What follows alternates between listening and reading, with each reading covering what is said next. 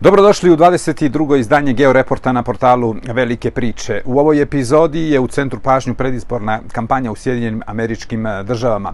Većina Amerikanaca ne želi e, ni Donalda Trumpa ni Joea Bidena u Beloj kući, ali ni republikanci ni demokrate nemaju snage da iznedre nove kandidate koji bi bili kredibilniji i e, bliži pobedi od Donalda Trumpa i Joea Bidena. E, Grand Old Party je zarobljenik ambicija i radikalne biračke baze koja je odana Donaldu Trumpu, a demokrate nemaju kandidata koji bi pomirio različite struje od eh, radikalno levičarske, ako možemo uopšte govoriti o levici u Sjedinim američkim državama, preko one liberalne pa sve do umerene koja bi trebalo da bude i jezgro eh, biračke baze demokrata. Krenimo redom. Bela kuća ili zatvor? To je otprilike do, eh, pitanje koje se nameće samo po sebi kada je u pitanju Donald Trump. Prvi put praktično u istoriji e, zapadnih demokratija Eh, na izborima bi se moglo odlučivati da li će jedan kandidat eh, ući u Belu kuću i postati šef države ili će završiti u zatvoru.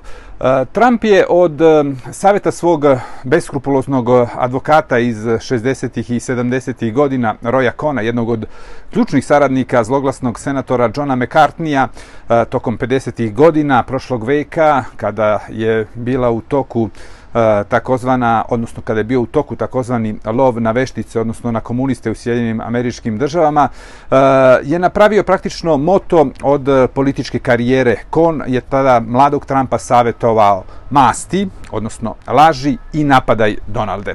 U tom kontekstu kampanje njujorskog tajkuna se kreće u tri pravca. Prvi, ponavljati da je Biden dementan, korumpiran, zatim da ga Kinezi, Ukrajinci i u još nekim drugim državama drže u šaci, delom izbog njegovog sina Huntera Bidena. Drugi, demokratska partija je sastavljena od fašista, politički korektnog, liberala, levičara i sinofila. I treći pravac njegove kampanje će ići ka tome da republikanci koji nisu za Trumpa su samo marionete u rukama establishmenta, odnosno takozvane duboke države. Ameriku očekuje dakle eh, godinu dana žestoke i vulgarne i prljave izborne eh, kampanje. Trumpovi eh, spin doktori i oni koji su praktično naslednici e, Artura Finkelsteina, kreatora pobede Richarda Nixona, Benjamina Netanjahua, Viktora Orbana i brojnih drugih lidera koji ne prezaju ni od čega da bi se dokopali vlasti, e, je praktično e, osnova, odnosno njegova teorija je osnova Trumpove izborne kampanje.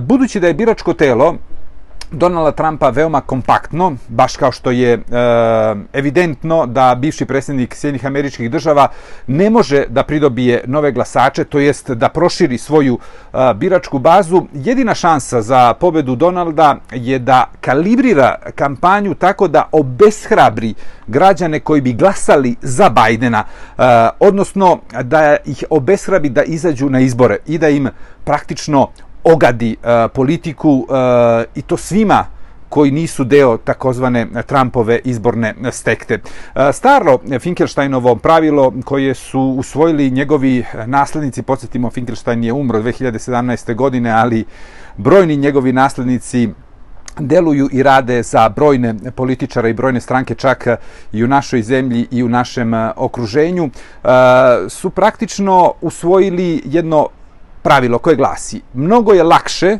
ubediti neopredeljene ili takozvane fluidne birače da ne izađu na izbore nego uh, ih uveriti da glasaju za jednog od kandidata. Uh, republikanska uh, tvrda baza je čvrsto ubeđena da liberali, e, duboka država, establishment, e, levičari, socijalisti zloupotrebljavaju pravosuđe da bi sprečili Trumpa da se triumfalno vrati u Belu kuću. Niko od njih neće e, ni pročitati preko 90 tačaka optužnica u četiri procesa koja se održavaju u Njujorku, u Vašingtonu, u Majamiju i u Atalanti neće uzeti oni u obzir ni izvedene dokaze u sudnicama, koliko god oni bili neupitni i nepobitni, baš kao što vernike ne interesuju dokazi ili logika koja negira postojanje Boga.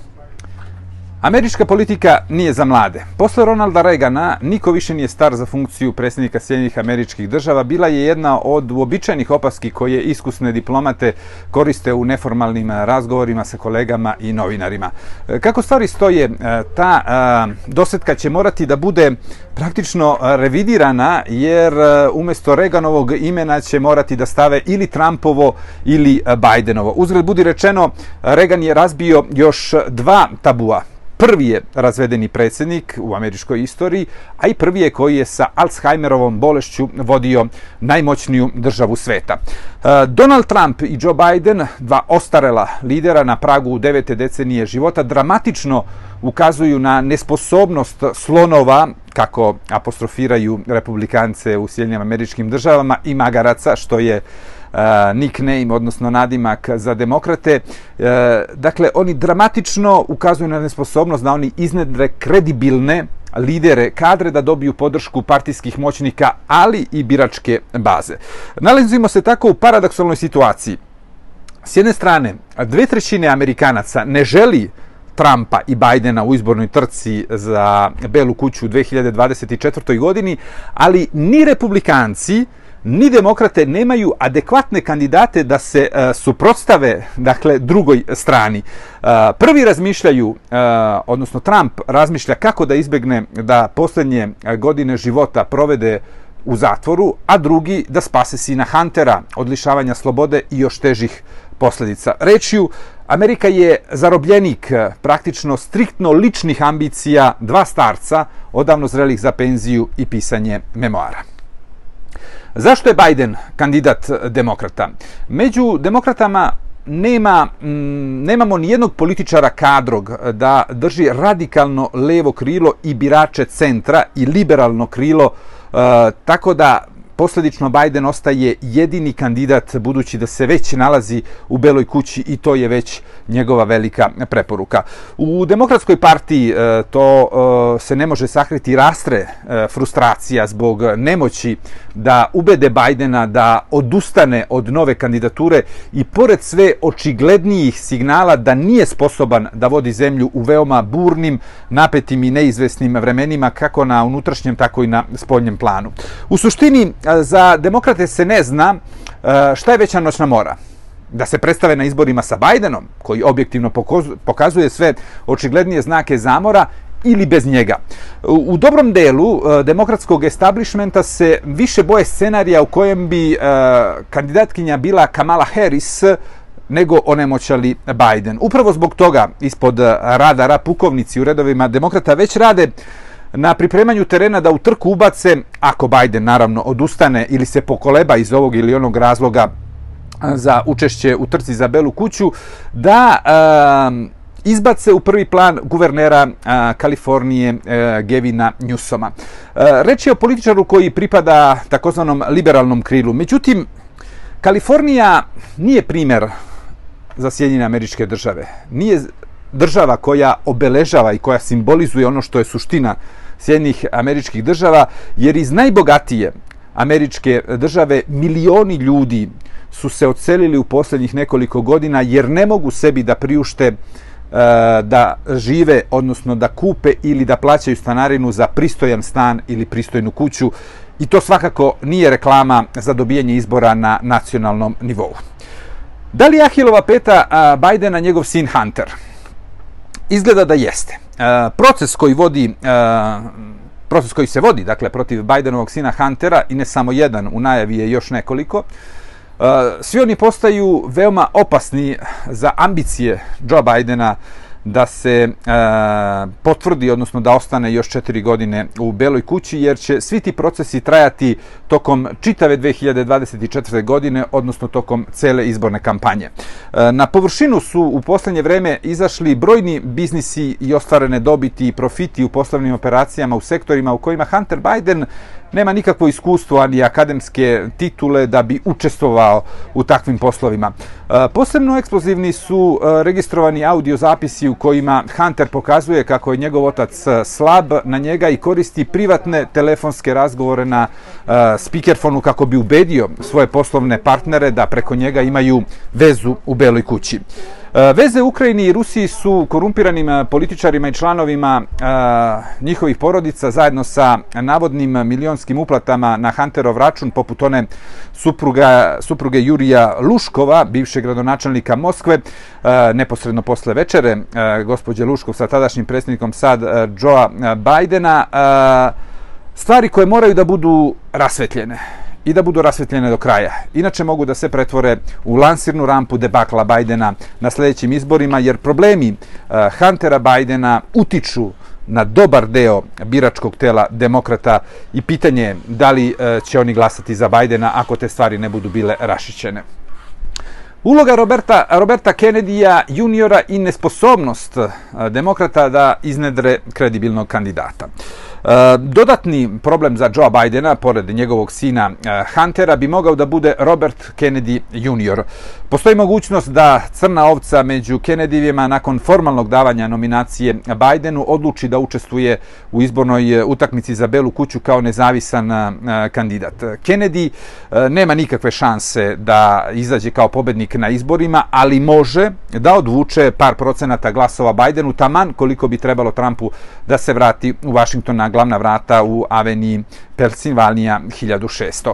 E, demokrate su u jesen e, 2020. godine uspeli, podsjetimo da osvoje Belu kuću i većinu u kongresu, zahvaljujući e, generacijskom obnavljanju i davanju šanse desetinama novih mladih političara da uđu na Capitol Hill kao kongresmeni ili kao kongresmenke od Aleksandrije Ocasio-Cortez, koja je možda najpoznatija i e, našim i našoj publici, do potpredsjednice E, Kamale Harris. E, taj proces obnavljanja i podmlađivanja kadra demokratske stranke se nažalost e, zaustavio. Biden je trebalo da bude prelazni predsjednik u iščekivanju da partija iznedri novog, snažnog, moćnog i pobedničkog kandidata na izborima za Belu kuću 2024. godine.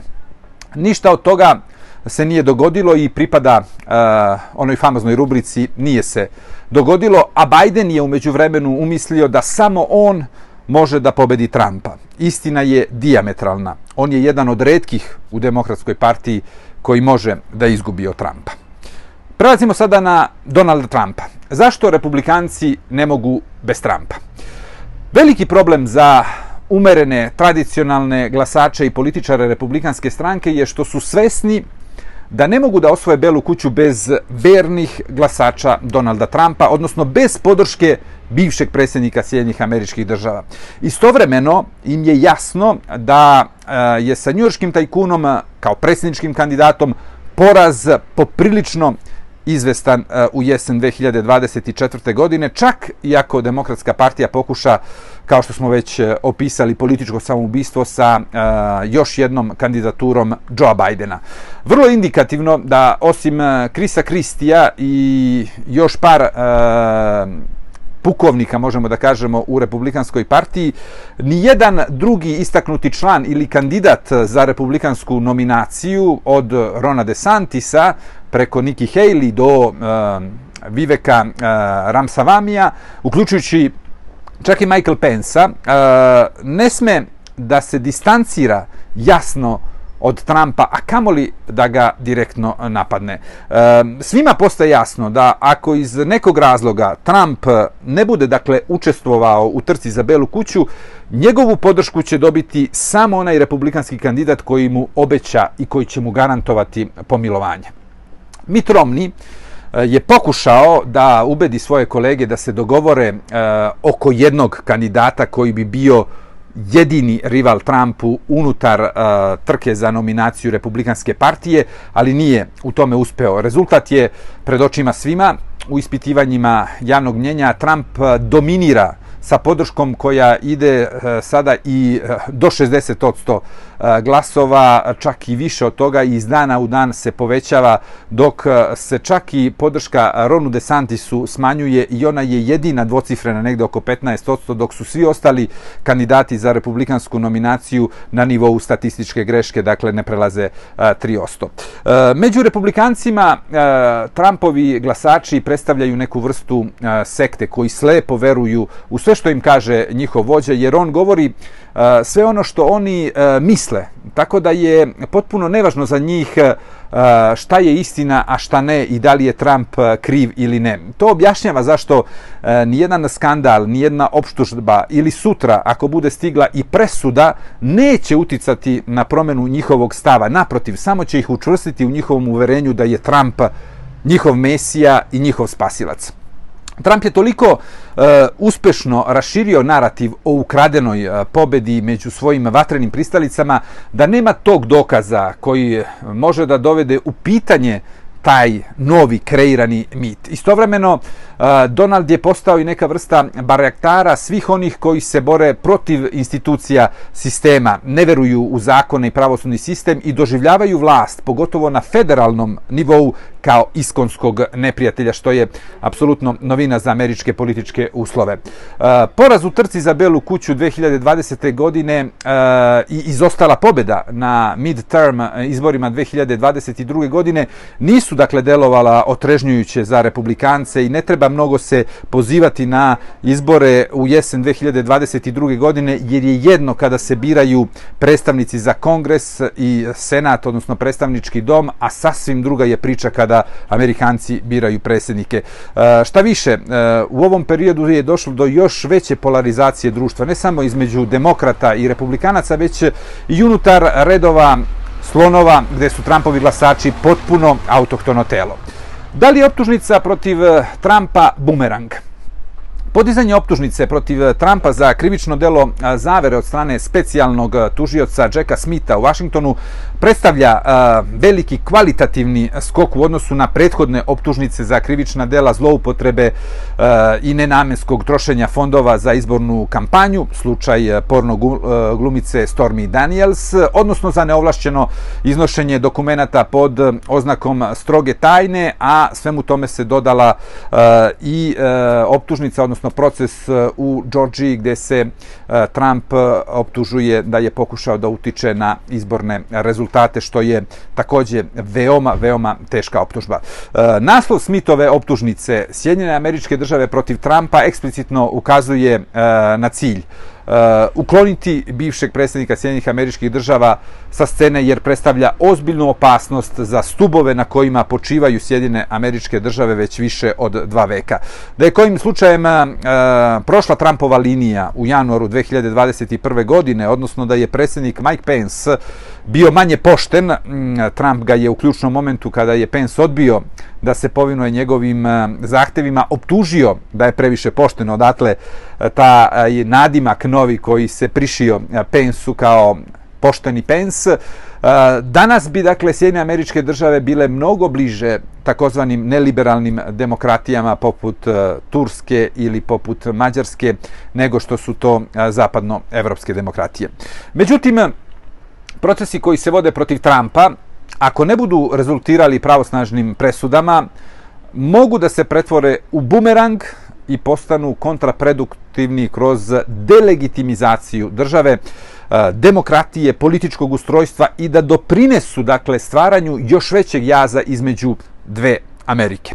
U prvom slučaju poraz države u procesu protiv Trumpa bi značio da više ne postoje dovoljno jaka tela da neutrališu političku anomaliju u američkom miljeu.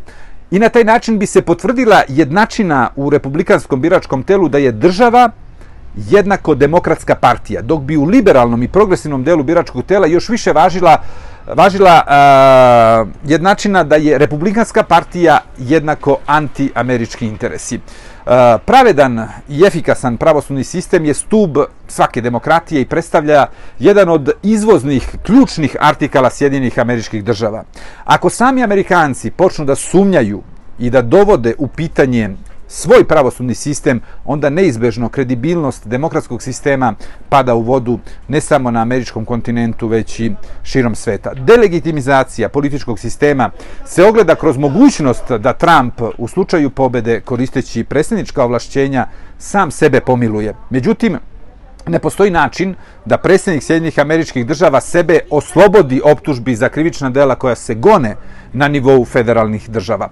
Dakle, u teoriji, Trump bi mogao oko da sebe oslobodi praktično optužbi za zaveru i neolašćeno iznošenje tajnih dokumenata, ali ne bi mogao da izbegne procese koji se vode u New Yorku i u Georgiji koji su jednako važni i jednako opasni po njegovu političku i svaku drugu budućnost.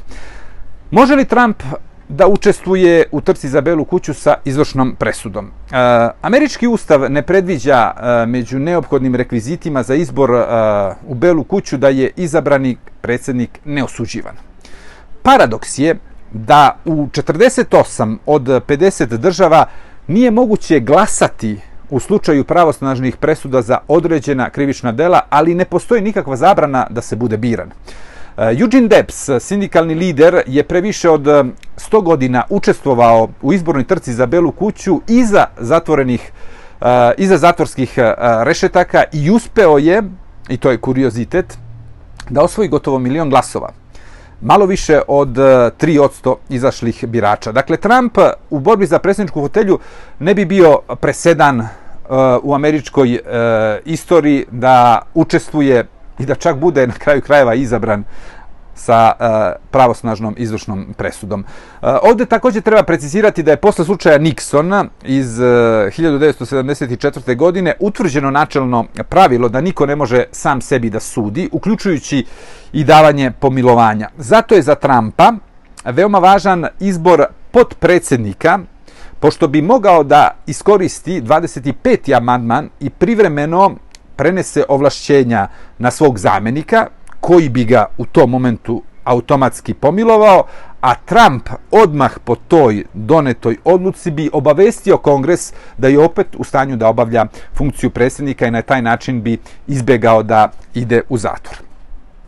Kakva će biti izborna kampanja Trumpa? Uh, Trump će sljedeći godinu i kusur dana pretvoriti u do sada neviđenu političku kaljugu u kojoj će pokušati da potuče Bajdena na iskustvu. U bukvalnom smislu Wildove opaske da ne treba diskutovati sa idiotima jer vas navuku na svoj nivo i onda vas poraze na iskustvu. Kontroverzni tajkun će koncentrisati kampanju na sebe i pokušat će da pretvori izbore u referendum o njemu samom. Trump će koristiti dakle sve instrumente slobodnog i demokratskog eh, društva da obesmisli, degradira i ogadi demokratiju kao i pitanja sloboda i pravne države. Napadaće svakog komu stane na put, negiraće svaku optužbu i vređaće svakog ko iznese dokaze o njegovim nepočinstvima. Nedavni primjer sa poređenjem američkog pravosudnog sistema sa onim u nacističkoj Nemačkoj je najbolji primjer. Eh, Trumpov tim je umeđu vremenu i targetirao Huntera Bidena kao slabu tačku aktuelnog predsjednika, dok će u predsjedničkom domu kongresa, gde republikanci imaju većinu, biti pokrenuti impeachmenti kako bi stavili e, dodatni pritisak na Bajdena.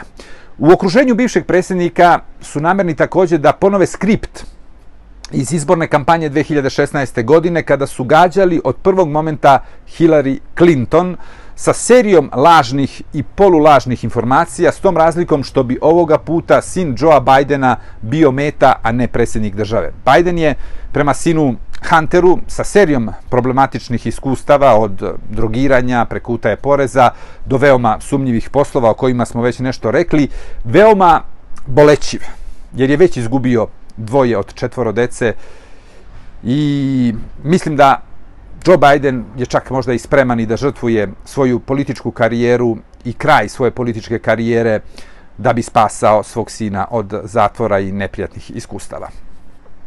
Trumpov mugshot ostvario veći efekat od republikanske e, debate na Fox Newsu. Fotografija Trumpa je imala daleko veći efekat na javno mnjenje od debate osam kandidata za republikansku nominaciju u Milvokiju. Ishod sučeljavanja republikanaca na Foxu je potvrdio ispravnost pejorativne definicije Trumpovih protivnika osam republikanskih patuljaka. Definicija sama po sebi emblematična, budući da je simbol republikanaca slon, zbog čega su mnogi imali asocijaciju na anglosaksonsku frazu The elephant in the room, to jest odsustvo slona to jest Trumpa, je bio pokazatelj nepobitne istine da na bini nije bilo ni jednog ozbiljnog kandidata, odnosno da su bili svi patuljci u odnosu na slona koji je bio odsutan. Osam kandidata, eh, Ron DeSantis, guverner Floride, eh, Doug Bargman, guverner Severne Dakote, eh, Mike Pence, bivši predsjednik Sjednih američkih država, Chris Christie, bivši guverner New Jersey-a, Asa Hutchinson, bivši guverner Arkansasa, Nikki Haley, bivša guvernerka Južne Karoline, senator Tom Scott i biznismen Vivek Ramsavami su u Milvokiju pokušali sa izuzetkom Kristija i Hutchinsona da se izbore za naklonost Donalda Trumpa, odnosno da u slučaju da iz nekog razloga Donald ne bude mogao da trči za Belu kuću, oni budu ti koji će od njega dobiti nominaciju za predsjedničkog kandidata republikanaca. Trumpu e, nije ni palo na pamet da se stavi u istu ravan sa rivalima koji su iza njega praktično um, po 30, 40 ili čak 50 odnosno procenata manje izborne e, podrške među, među birašima i jednostavno republikanska nominacija je samo formalnost. E, dodatno potvrđena i kroz stav 6 od 8 kandidata koji su uh, Eh, rekli da bi podržali Trumpa u predsjedničkoj trci čak iako bude osuđen u postupcima koji se vode protiv njega u četiri različita grada, dakle New Yorku, Atalanti, e, Majamiju i Washingtonu. Razlika u podršci koju uživa e, Trump i ostali kandidati je takva da sam Trump ima dakle više glasova nego svi ostali e, zajedno. DeSantis, guverner Floride, je propustio veliku priliku na debati u organizaciji Foxa da se akredituje eh, barem kao kredibilna alternativa Trumpu i eh, i svega što se dogodilo čini se da će on morati da sačeka još najmanje četiri godine da bi dobio novu priliku ako je uopšte bude i bilo. Eh, tok debate, iskazani stavovi i evidentni međusobni animoziteti raspršili su takođe snove da bi republikanci mogli da iznedre jednog jako kandidata koji bi se suprostavio e, Trumpu i ostavili su utisak da niko nije izašao kao pobednik e, iz tog televizijskog sučeljavanja ili bolje rečeno, pobedio je onaj koji je bio odsutan, a to je Trump. Gde su pogrešili republikanci sa Trumpom? E, Stara garda, velike stare partije, je napravila kardinalnu grešku 2016. godine kada su relativno lako mogli da se reše Trumpa. Međutim, oni su se odlučili na riskantan potez da ga eliminišu iz trke jer su bili uvereni da će njujorski tajkun izgubiti izbore i da će oni iskoristiti taj poraz da reformišu Republikansku partiju.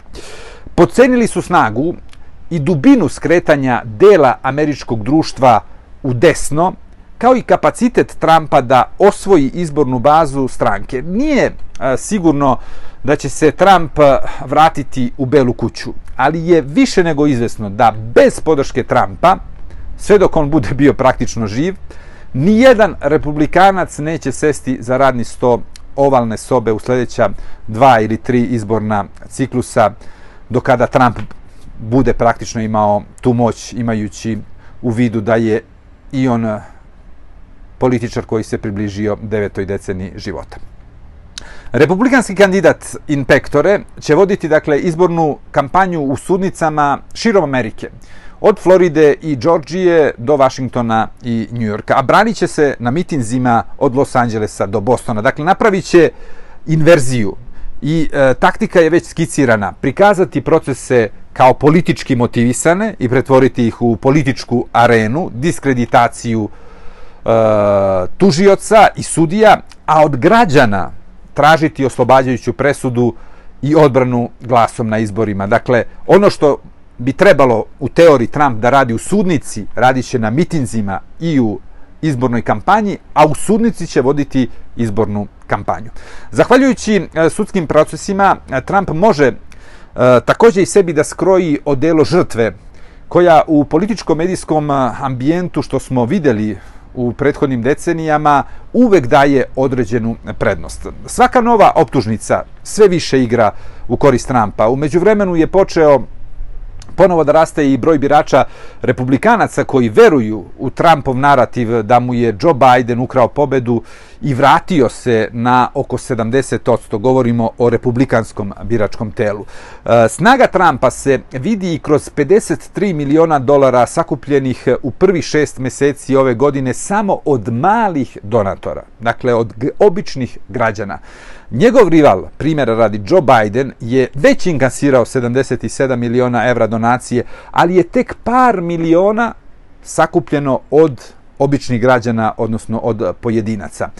I to je savršen materijal za Trumpa da sebe prikaže kao kandidata širokih narodnih masa, a Bajdena kao korumpirane elite.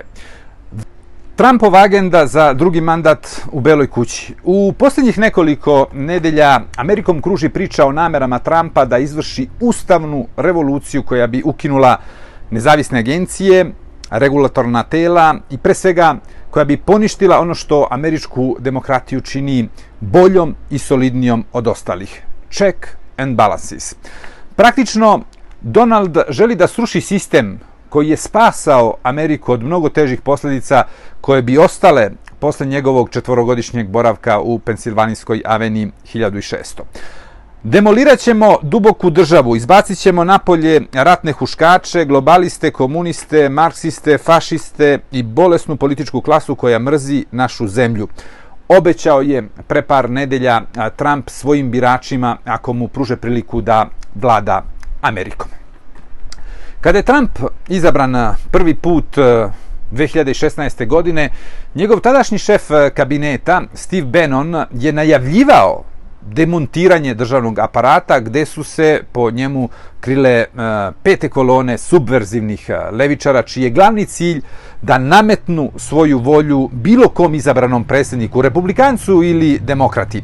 Sam Trump se žalio eh, na pravilo da nijedan predsjednik ne može da provede više od dva mandata u Beloj kući, otvoreno zavideći autokratama i diktatorima na dugogodišnjoj vladavini poput Vladimira Putina ili Xi Jinpinga ili možemo da kažemo čak i Eh, Erdogana u Turskoj. Eh, Benon nije uspeo u svojoj nameri eh, da praktično izvrši tu obećanu revoluciju jer je veoma brzo počišćen iz Bele kuće, a Trump se sudario sa snagom pravne države bazirane upravo na onome što smo već pomenuli check and balances, pokazujući e, istovremeno u tom periodu i svoju nepripremljenost i nepotkovanost u materiji da bi mogao da ispuni obećanja ili da ostvari e, svoje političke želje. U međuvremenu mnogo toga se promenilo i bivši predsjednik svakako nije odustao od svojih snova da razgradi sistem konstruisan gotovo dva i po veka, a umeđu vremenu je stekao i znanja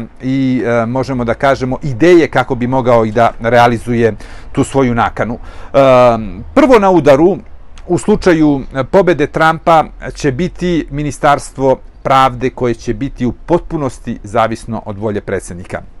Na taj način, Trump eh, ne bi samo rešio svoje a, probleme po pitanju krivičnih procesa na federalnom nivou.